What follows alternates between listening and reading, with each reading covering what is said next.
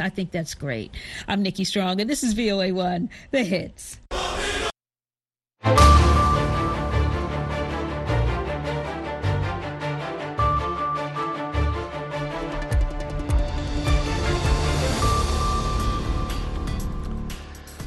Halkani waa washington. Laanta afka soomaaliga ee v o a oo aad ka dhageysanaysaan mawjadaha efmiyada geeska afrika iyo caalamka oo dhan oo aad nagala socotaan v o a somaly com.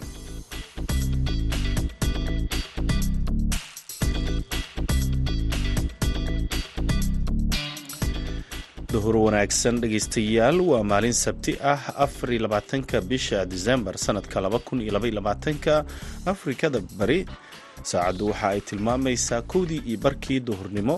Idaacadda duhurnimo ee barnaamijka dhallinyarada maantana waxaa idinla socodsiinaya anigoo ah cabdulqaadir maxamed samakaab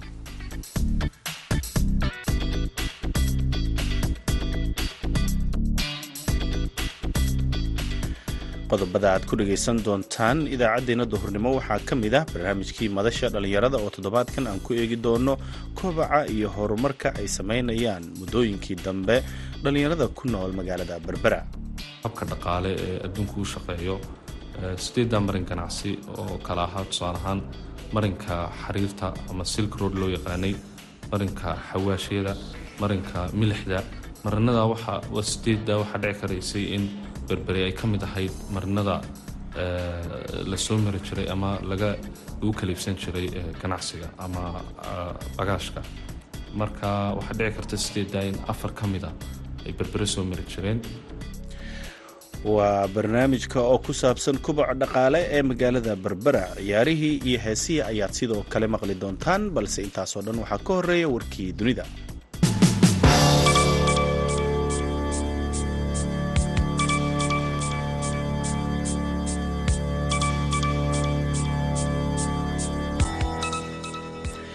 madaxweynihii hore ee kenya uhuru kenyatta ayaa u safri doona gobolka tigra ee dalka ethoobiya si uu u kormeero heshiiskii nabadeed ee bishii hore ay kala sixdeen dowladda ethoobiya iyo jabhadda t p l f.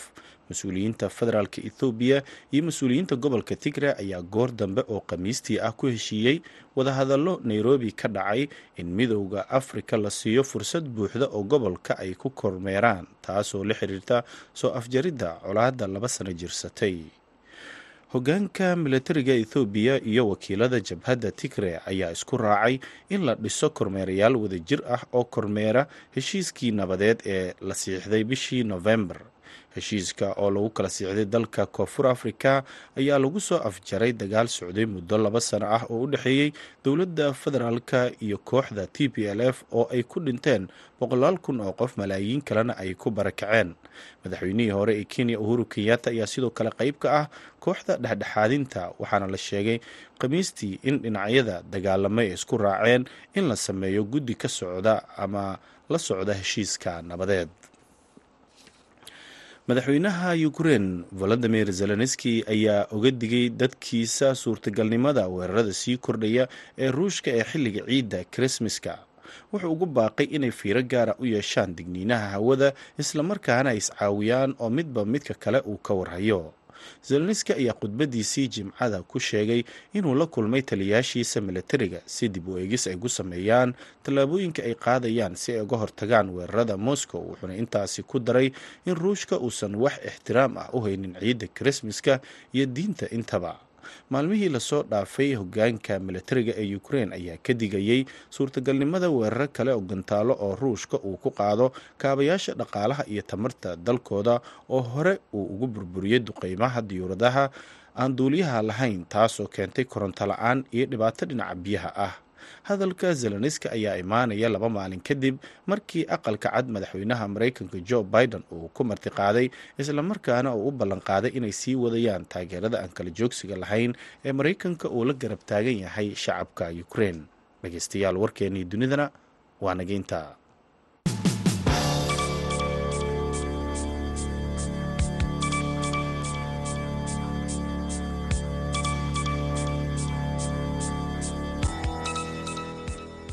halkaad warkaasi ka dhageysanayseen waa idaacadda v o a oo idinkaga imaaneysa washington. Markana dhegeystayaal waxaad ku soo dhowaataan barnaamijka madasha dhalinyarada oo toddobaadkan ku saabsan koboca dhaqaale ay sameyneyso magaalada berbera. Waxaa inoo soo diyaariyey wariyaha v o eda cabdikariin olol oo dhowaan booqday berbera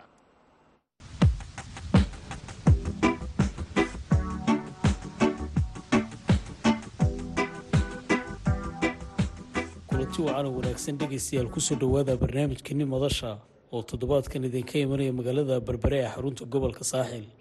Toddobaadkan ayaanu waxaanu ku soo qaadan doonaa barnaamijkan ayaan diiradda ku saari doonaa waxyaabaha horumarka ee berbere ka socda iyo waayihii kala duwanaa ay soo martay.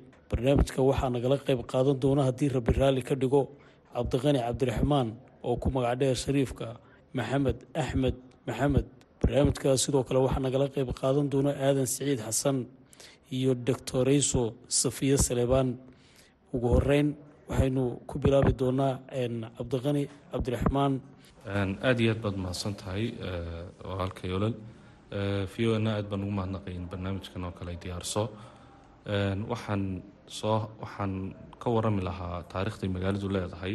Waxa weyn taariikh aada iyo aada u facweyn oo qiyaas ahaan aan la qiyaasi karin waqtigii unkantay ama aasaasantay oo waxaa lagu tilmaamaa kumanaan sano soo kale waxay ahayd xarun ganacsi berberi waxayd xarun ganacsiyo weyn. Heer bay gaadhay in soomaalidaba loo bixiyo berberiyiinta. Taasi waxay kutusaa ahamiyadday lahayd waqtigaa kumnaan sano xadaaradihii kala duwanaa haday noqoto tii faraacinta tii romaaniyiinta tii bershiya ama farisiyiinta ta carabta ta hindida iyo ta indhayartaba sida la ogsoon yahay ama taarikhyahanadu ogsoon yihiin waxaa intuu ilaahay abuuray adduunka. Waxaa ka samaysan waxa loo yaqaano sideed marin ganacsiyeed oo caan ka ah adduunka oo wax ka bedelay habka dhaqaale ee adduunku u shaqeeyo. Sideeddaa marin ganacsi oo kala ahaa tusaale ahaan marinka xariirta ama silk road loo yaqaanay marinka xawaashyada marinka milixda. Marinada waxa sideedda waxaa dhici karaysay in berberi ay ka mid ahayd marinada la soo mari jiray ama laga lagu kaliibsan jiray ganacsiga ama bagaashka. Marka waxaa dhici karta sideeddaa in afar ka mida ay berbere soo mari jireen. Marka horta taariikh ahaan fac intaa leeg bay leedahay. Sidoo kale maxamed axmed xadaari bal waxaad naga warantaa berbere iyo waxyaaba aad is leedahay isbeddelka iyo dhalinyar ahaan aad is leedahay wax badanna way iska bedeleen waxyaabo badanna way ku soo kordheen. Walaal haddaan toos u galo maxamed xadaari ahaan si guud berbera waxay dhaqaaq dhinaca horumarka ay samaysay. Dagaaladii sokeeye ee dagaaladii ka dhacay soomaalida kadib tobankii sano u dambeeyey bay samaysay walaal. Berbera waxa aanu joognay reerka iyadoo reerka ka baxa ama qofka ka tagaa aanu ku soo laaban adeegyada asaasiga ah oo aan fiicnayn iyo xaaladda cimilo jirta awgeed. Tobankii sane ee u dambeeyey waxaa isbedelay adeegyadii asaasiga ahaa siday ahaayeen. Yaanay ahaaninba kuwa halkii aan doonaynay gaadhay laakiin isbeddel ayaa yimi. Walaal waxaa kaloo waxaa yimi shaqa abuur intii hore tobanlaabkeed ah oo dhalinyarada u badan lana jaan qaadi kara isbeddelka dunida casriga ah. Waxaana meesha ka baxay shaqaalihii hore ee da-da ahaa ee dowladii hore la soo shaqeeyey. Waxaa kor u kacay nadaafadii iyo dheerberistii oo waxaa la sameeyey dheerberis aada u weyn. Waxaa la sameeyey instituushano bulshadu leedahay sida goobo wax akhris iyo goobo kala duwan. Waxaa yimi instituushano caalamiya oo ku soo jeediyay indhaha caalamka indhaha caalamka gobollada geeska iyo sidoo kale gobollada dalka. Bulsho badanna waa ay ku soo kordhay waxaana dhismay dhismayaal cusub aad iyo aad baad mahadsan tahay. Sidoo kale aadan siciid xasan bal waxaad naga warantaa habdhaqanka iyo isbeddelka dhanka dhaqaalaha oo kale bal nooga war. Waana soo dhaweynayaa v o a aada baana idinku soo dhaweynaya magaalada berbera. Markaaynu ka hadlayno dhaqaalaha bulshada ee sanadihii hore ama sanadihii ugu dambeeyey tobankii sana ugu dambeeyey bulshada dhaqaalaheedu aada buu koobnaa. Isha keliya ee la hayay waxay ahayd dekeda oo aan shaqaalo badan qaadanaynin iyo xoolaha nool oo sacuudiga loo dhoofin jiray taasoo in badan hakatay ama la joojiyey. Markii xoolihii noolaa ee la dhoofinayay la joojiyeyna waxa dhacday in qoysaska ka xagabaxaa aanay jeclayn inay soo noqdaan ay magaaladii isugu koobantay rag ama in yaroo muruqmaala oo aan dhaqaalo badan haynin dhulka berbera qiime saas u qaaliya mu ahayn oo aada looma kala iibsan jirin. Wax kale oo ganacsiga hoo yaalayna may jirin. Muddooyinkan dambe se isbeddel weyn baa jira oo maalgashiyaa jira hay'ada caalamiya iyo sharaa'ic caalamiya baa yimi. Bulshadii dhexdeedii ganacsiyadii iyo dugsiyadii iyo garoomadii kubadda lagu ciyaaraya isdhexgalkii dhallinyarada iyo halabuurkii dhallinyarada iyo wax badani ay ku soo noqdeen. Waxaad moodaa in iminka indhaha geeska adduunka iyo somalilan lafteedu inuu u soo jeedo dhinaca berbera oo gobollada kale somalilan markaa tagto qof kastaa uu tamaniyayo inuu mar berbera tago oo uu ka ganacsado ama u tago. Markaa taasaa keentay in dhaqaalihii bulshadu soo kordho shalay bay ahayd iyadoo waxa weeyaan aan leyr badan magaalada gaadhin biyuhu ay ku yaryihiin oo waxa weeyaan aan qasabad badan oo xaafadaha wada gaadha aanay jirin haynta dhallinyaraduna ay iska koobnayd dad waaweyniyuun magaalada ay joogeen. Waxa ugu badan ee laga shaqeeyaana ay murmaal xamaal howlo farsamown ay ahayd. Iminkase waxaa jira shaqooyin la jaan qaadaya iyo shaqooyinkan casriga cid kastaana waxaad moodaa iminka inay u soo jeedo xagga. Sidoo kale doctor safa salebaan waxaad naga warantaa waxaad is leedahay aqoon-yahanada iyo kaalinta ay ku leeyihiin horumarka bulshada iyo doorka fiican ay ka qaadanayaan isbeddelka berbera ay saaxiibadeena kale ay noo sheegeen iyo waxyaabaad sileed waad ku kordhin karaysa aad baan ugu mahadnaqaya idaacadda v o a inay maanta nagu soo booqatay magaalada berbera. Kolley berbera sidaynu ognahay waxay noqotay magaalo ku taala bogcad muhiim ah bogcadaasoo xidhiirinaysa saddex shay oo maanta dunida saddexda shay ugu muhiimsana laga ganacsada ah. Hadday tahay tii dekeda marinbiyoodkii oo noqday import export meeshii ugu muhiimsanayd. Hadday tahay magaalo dalxiiseed oo berber waxay noqon karaysaa magaalo dalxiiseed haddii laga shaqeeyo. Sidaas ilameeda waxay noqon karaysaa magaalo warshadeed oo warshado badan oo horena ugu ooli jiray baa jira imikadana qaar cusub la wadaa jira. Marka markaynu ka hadlayno dhanka aqoon-yahanku maxay soo kordhiyeen waxaa jira xilligii ay ka horeysay imika toban sano hore oo kale haddii dib loo noqdo may jirin dad aqoon-yahan oo magaalada u soo shaqo tago oo ku soo hamiya oo kale inay berbere ka shaqeeyaan maanta laakiinse waa difference oo hadaad gobollada kale tagto amba even wadanka dibadiisa aada wareysato. Waxaa jira aqoon-yahan badan oo ku soo laabanaya wadankii gaar ahaan berbera.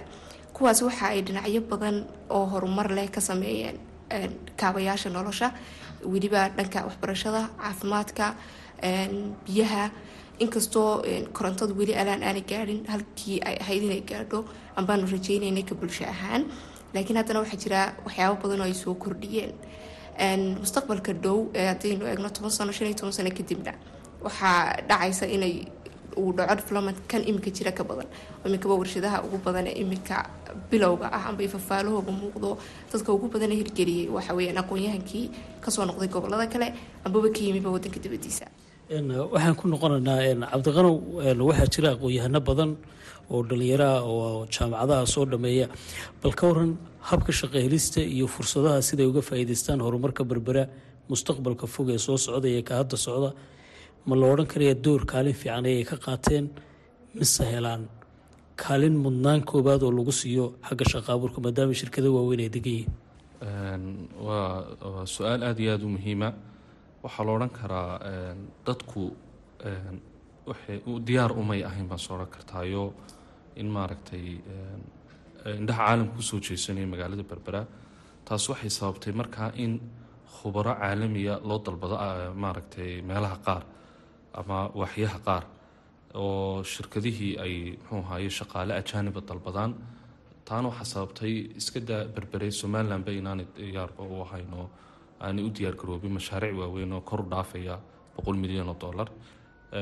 Balse waxaad moodaa iminka in isbeddel weynu yimid oo tusaale ahaan shaqooyinka la soo xaysiiyo oo reer berbere ay ay maaragtay boqolkiiba aan odhan karo toddobaatan oo kale ay ku guuleystaan waayo iyagoo kobcay hadday noqoto xagga aqoonta iyo xagga maaragtay khibrad oo iyaga laftoodu ay isku dayaan markay waxbarasho noqoto inay qaataan waxyaabaha cilmiyada cilmiyada ku habboon maaragtay magaalo xeebeeddan berbera marka walow aanay gaadhin halkii loo baahnaa oo laakiin insha allah waxaan rajeyna marka in isbeddel weyn imaado waxaana jeclaan lahaa in wax maaragtay laamaha ku shaqada leh inay aada awoodda u saaraan shaqaalaysiinta dadka u dhashay gobolka ama gaar ahaan berbera. Taas waxay sababsaa marka in iyaguna khibrad ay ka helaan maalgashi badanna u yimaado si dhan walba looga faa'iidaysto. Xadaari waxyaabahan doonayna inaan ka hadalno barnaamijkeena madashaan diiradda ku saaro inagoo weli ku jira. Dhalinyarada iyo aqoon-yahanku waxay ka hadlaan habka cadaaladda iyo helista si dahfurnaana shaqooyinka oo kale ama loo soo xayeysiiyo. Sidoo kale haddii ay shaqo abuur samaysanayaan nidaamka maalgelinta oo kale qaarkood waxay sheegeen inay dhibaatooyin ka maraan. Dhalinyarada berbera arrimahaas oo kale ma haysataa mise jiraan adsilada caqabado noocaasoo kale baa ka hor istaaga? Walaal ru ahaantii labada qodob aad weydiisay haddaan ku horeeyo ka shaqaalaysiinta shaqaalaysiin way jirtaa laakiin waxaan u baahannahay oo ay bulshadu u baahan tahay shaqaalaysiin feer ah oo ka maqan musuq maasuq iyo qaraabakiil sidoo kalena waxaa loo baahayay marka ugu horeysa berbera hadiiba ay isku diyaarinayso magaalada tan mustaqbalka dhow noqonaysa magaalo ganacsiyeed in dadka joogaa ay noqdaan dad la tababaro oo capacity building loo sameeyo xirfadooda xirfada la sameeyo oo xirfada lagu tababaro aqoontooda kale iyo jaamacaadkana la kordhiyo. Marka taasina way ka reebeysaa shaqaalaysiinta marka loo eego dadka dadyooga noo imanaya oo way naga sadbursiya helayaan.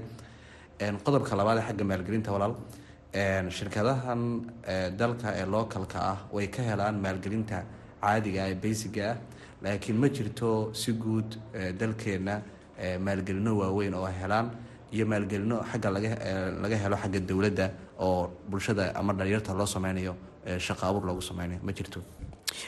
Aadanow waxaa jira dee khayraad badan bay leedahay berbera oo kala duwan oo dadku ay ka faa'iideysan karayaan. Dhalinyaradu ma u diyaarsantahay bay kula tahay in ay la jaan qaadaan si khayraadkaasi ay qeyb uga noqon lahayn. Aad baad mahadsantahay walaalo. Dhalinyarada hadda marka la eego dhalinyarada iminkuna iminkun baad moodaa inay u soo jeesanayaan.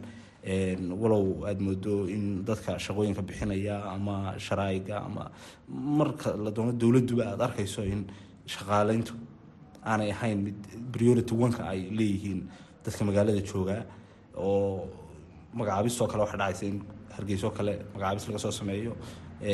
Ama halkan lafteeda dadka ku soo bartay magaalooyin kale wax ay ka horeynayaan dadka reer berbera farsamo ahaanse berbera iminka waxaa ku yaalla maxad weyn oo sida secondariga caadiga looga baxo oo farsamada laga barto taasaa keenaysa in iminka mustaqbalka dhow in wixii farsamo ah halkii bangaali iyo hindi iyo waxyaabaha muqmaalka la keeni lahaa ajaanibtaa in berberi noqoto mid ku filaata dhan maamul iyo dhanka farsamada waaya doctor safa dooda ah in meelo kale ay ka yimaadaan aqoon-yahanadu miyaad la qabta aragtidaas oo kale. Ha laba sababoodba dartood. Waa midee berberi waxay noqotay meeshii ugu furaska badnayd dhanka majliska shaqooyinka somalilan oo dhan. Taas markaa waxay kalifaysaa dad badan oo kale inay magaalooyin kale ka soo shaqo tagaan. Oo maadaama uu wadankii shaqo la'aan baahsani ka jirto waxaa la ysugu imanaya halkii ay fursaduhu ka jireen. Mid labaad way jirtaa oo inta badan ah mushkilad taalla gobolka ambaba degmada berbera oo ah in aanay haysanin kabaasitigii waxbarasho ee ahayd in shaqooyin badan loogu tartamo. Matalan toban sano ka hor jaamacadaha ku yaalla berbera aada ba u yaraayeen inkastoo ay imika isa soo bedeleen oo afar jaamacadood shan jaamacadood dad gaadhaya wax gaadhaya ay ka furan yihiin haddana welina way yaryihiin fiilka fiilasha lagu dhigto jaamacadahaas. Taasi waxay keenaysaa haddii imika matalan shirkada xayeysiiso fiil gooni ah oo aan berbera lagu dhigan in iyadoo lagu soo dhigtay gobollada kale matalan hargeysa oo kale qof ku dhigtay in la xayeysiiyo booskii dinta dad hargeysa oo kale ka soo xaraystay ay ku guuleystaan. Marka waa sababaha keenaya labadaas sababoodba in inay noqoto inay timaado dooda ah inay cid kale meel kale ka soo shaqo tagto maxamed xadaari ma is leedahay caqabado dhanka dhalinyarada iyo aqoon-yahanka berbere ka yimid baa jira oo iyaga laftigoodu qeyb ay ku leeyihiin dooda ah hanaanka ka mid noqoshada horumarka iyo shaqaalaysiinta iyo inay qeyb ka noqdaan ha walaal way jiraan inay caqabado ay jiraan xagga dhalinyarta iyo aqoon-yahanka iyo bulshada lafteeda maamulka lafteeduna ay jiraan waayo berbera tobanka sano ka hor laakiin waxay ahayd magaalo ganacsiyeed iyo dad shaqaalaayuna ay joogaan. Marka waxay ahayd in dhalinyartiina ay isku diyaariso sidii ay uga qeybgeli lahayd shaqaalaysiinta iyo maxay hatay mustaqbalka berbera ku yimi maamulka dowladda ama maamulka kale iyo aqoon-yahankuna ay u diyaariyaan dadkooda sidii ay u heli lahaayeen shaqooyinka oo xirfadi lagu tababari lahaa kabasibadin loo sameyn lahaa la bari lahaa qofka shaqaalaha iyo waxa looga baahan yahay la bari lahaa. Marka way jiraan caqabado xagga dhalinyarta ku saabsan oo aanay ahayn marka la eego weliba de iminka inta dambe mooyaane intii hore inaanay u soo jeedin inay ka qeyb noqdaan. Oo shirkadaha caalamiga shaqaale ka noqdaan. Aadan siciid xasan kaalmaha wanaagsan tusaale ahaan oo kale halkan aynu joogno dee waa goob dhallinyaradu ay ka kulanto. Door intee leeg bay iyaga laftigooda ku leeyihiin kuwooda horumar ka sameeyey inay dhallinyarada qeyb ka noqdaan sidii loogu doodi lahaa qareemisna ay u heli lahaayeen. Tusaale ahaan oo kale dhalinyaro badan baa jiro iyagu fursada helay. Hadday noqon lahayd ganacsiga hay'adaha goobahan aynu isugu nimaadnay oo kale. Dhalinyarada laftigooda ma u diyaarsan yihiin saaxiibadooda kale inay u doodaan si fursado shaqo loogu abuuri laha aada baad umahadsan tahay haa dhalinyaradu waxay dareemaysaa inay u soo jeedaan in ay ka hadlaan arrimahan ah in ay dhalinyarada kale magaalada la joogtaa ee xeebta iyo kula nool kulaylka inay u aqsamayso fursad una doodo hadday xataa kelmad tahay ay u tiraahdo may ahayn in sidan la yeele waxay ahayd in laga qaato gobolka ama magaalada laga qaato taas in badan bay ka hadleen madala kaga hadleen waxaa jiray mudaharaado marar shaqaale la qaadanayay ay dhalinyaradu dareenkooda ku cabireen in magaalada dadkii joogay ee horusii joogay. Aanay helin fursadii ay xaqa u lahaayeen waxaan dareemayaa in dhalinyaradu ay iyagu doorkoodii guteen walow dee aan la odhan karayn boqol kiiba boqol. Way guteen haddana waxaad dareemaysaa marka madaxii dee magaalo kale laga soo magacaabayo lafteedu waxay noqonaysaa dee majuhu sida madaxu ugu taliyo. Ayay noqonaysaa waxaana leeyahay xaq badan bay mudan yihiin dadka xeebtan u samray ku nool xagaayada iyo kuleylka joogay. Markastana waxay leeyihiin in priority-ga la siiyo iyadoo aan kooto loo eegin ee loo eegayo secondarygii inuu ka baxay jaamacaddii inuu ka baxay inuu joogay tobankii sane ugu dambeysay. Maaha in cid laga fuquuqayo markay saasoo kale tahay. Oo qofkii dee joogay cidduu doona ha ahaado haybtuu doona ha ahaado halkuu doona ha ka yimaado waxay noqonaysaa inuu fursadii maadaama dadkii deegaanka kula noolaa inaanu isaga fursadii laga xigsanin barnaamijkeeni madasha ayaynu dhegeystayaal ku jiraa v o a wuxuu idinka imanaya magaalada berbera doctor safa waxyaabaha aad is waa loo baahan yahay mustaqbal ifayana way yeelanaysaa berbera in laga faa'iidaysta maxay tahay berberi waxay yeelanaysaa runtii mustaqbal ifaya oo intan aynu arkayno ka ballaadhan sidaas darteed waxaa muhiim ah in imika laga fekero sidii loo sameyn lahaa goobo ku habboon oo ay dhalinyaradu ka heli karaan skillska ay ku shaqaysan lahaayeen muddooyinka soo socda. In la sameeyo macaahid amba institutes in la sameeyo maxaa la dhahday technical schoolska oo imikaba uu jiraa technical school laakiinse sida aan warka hayo ambaan macluumaad ku hayo maaha effective in markaa laga shaqeeyo kuwaasi si loosii horumarin lahaa.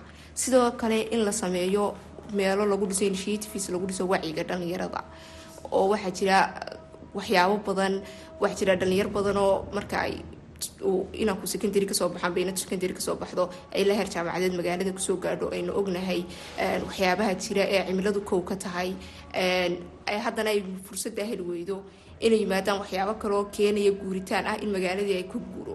Qofkii markaasaynu u yareyno guuritaanka inay berberi dadkeedii ka guuri lahaayeen. At the same time ay u iman lahaayeen cid kale waxaa muhiim ah in laga fikiro systemska noocaas ah in dhalinyaradii loo abuuro technically iyo waxbarasho ahaanba waxay ku shaqaysan karayaan beritoole. Hal hal daqiiqo cabdiqani cabdiraxmaan shariifka kelmadaad is leedahay waa u muhiim dhalinyarada aqoon-yahanka ee berbera maxay ta? Kelmadda ugu muhiimsan waxa weeyaan in iyaguna laftoodu ay aqbalaan waxa loo yaqaano integrationka ama isdhexgalka bulshadu. Sidoo kale iyagana waxaan ku talin lahaa maaragtay shirkadaha waaweyn ee imanaya ama dowladdu awood ha ku yeelato ama yaani ku yeelan waxa weeyaan in sidii berberi ahaan jirtay boqol iyo konton sano ka hor inay ummaddu dhex deganayd qowmiyado kala duwan deganaayeen sida turki carab hindi banyaan loo yaqaanay bershiyan farisiyiin ama eeraani sidoo kale dalxiiska. Dalxiiskana waan waxaan odhan lahaa dalxiiska kor loo qaado. Marka intaa la soo celiyana waa muhiim. Maxamed xadaari maxaad is leedahay? Aada ku kordhin karaysaa talada uu soo jeediyey cabdiqani oo mustaqbalka wax weyn ka bedelaya talooyinkaasi walaal waxaan ku dari lahaa si guud anagoo hadlaya. Waxaa loo baahayay in kor loo qaado baahiyaha asaasiga ee caafimaadka iyo waxbarashada. Sidoo kalena howlwadeenada ka shaqeeya aqoontooda loo kobciyo. Kelmadda ugu dambeysa aragti ahaan aad is leedahay waa loo baahan yahay. Maxay ta waxaan kaga tegayaa waxa weeyaan berberi xadaaradii ay lahaan jirtay in la ilaaliyo hadday asaar noqoto iyo hadday habdhaqankii isdhexgalkii bulshada iyo barnaamijkeena gabagabadiisii baynu ku jirnaa doctor safa saleban waa midee marka aynu leenahay fayr ha laga dhigo shaqaalaysiinta fursadaha yaalla wadanka ama fursadaha berbere yaalla. Malihin ama uma jeedno inaanu cid gooniya riixayno laakiin waxaan leenahay un si loogu wada noolaado diflomatka aynu doonayno waa in loo sinaadaa fursadaha meel kastoo ay yaalaan. Haddii aynu meelaha hiigsanayno qatar dooxa iyo dubay oo kale waa in la sameeyaa kor loo qaada baahiyaha asaasiga ah ee bulshada. Kow uu ka yahay caafimaadka waxbarashada biyaha dhegeystayaal intaasi waxaynugu eeg barnaamijkeeni madasha oo toddobaadkan idinka imanaya magaalada berbere ee xarunta gobolka saaxil. Toddobaadkan waxaa marti noogu ah barnaamijkeena cabdiqani cabdiraxmaan oo ku magac dheer shariifka maxamed axmed maxamed oo ku magac dheer isna xadaari aadan siciid xasan iyo doctor safa salebaan barnaamijkaasi intaanu ku kulmi doonno dhammaantii waxaan idinkaga tegaynaa sidaasi nabadgelyo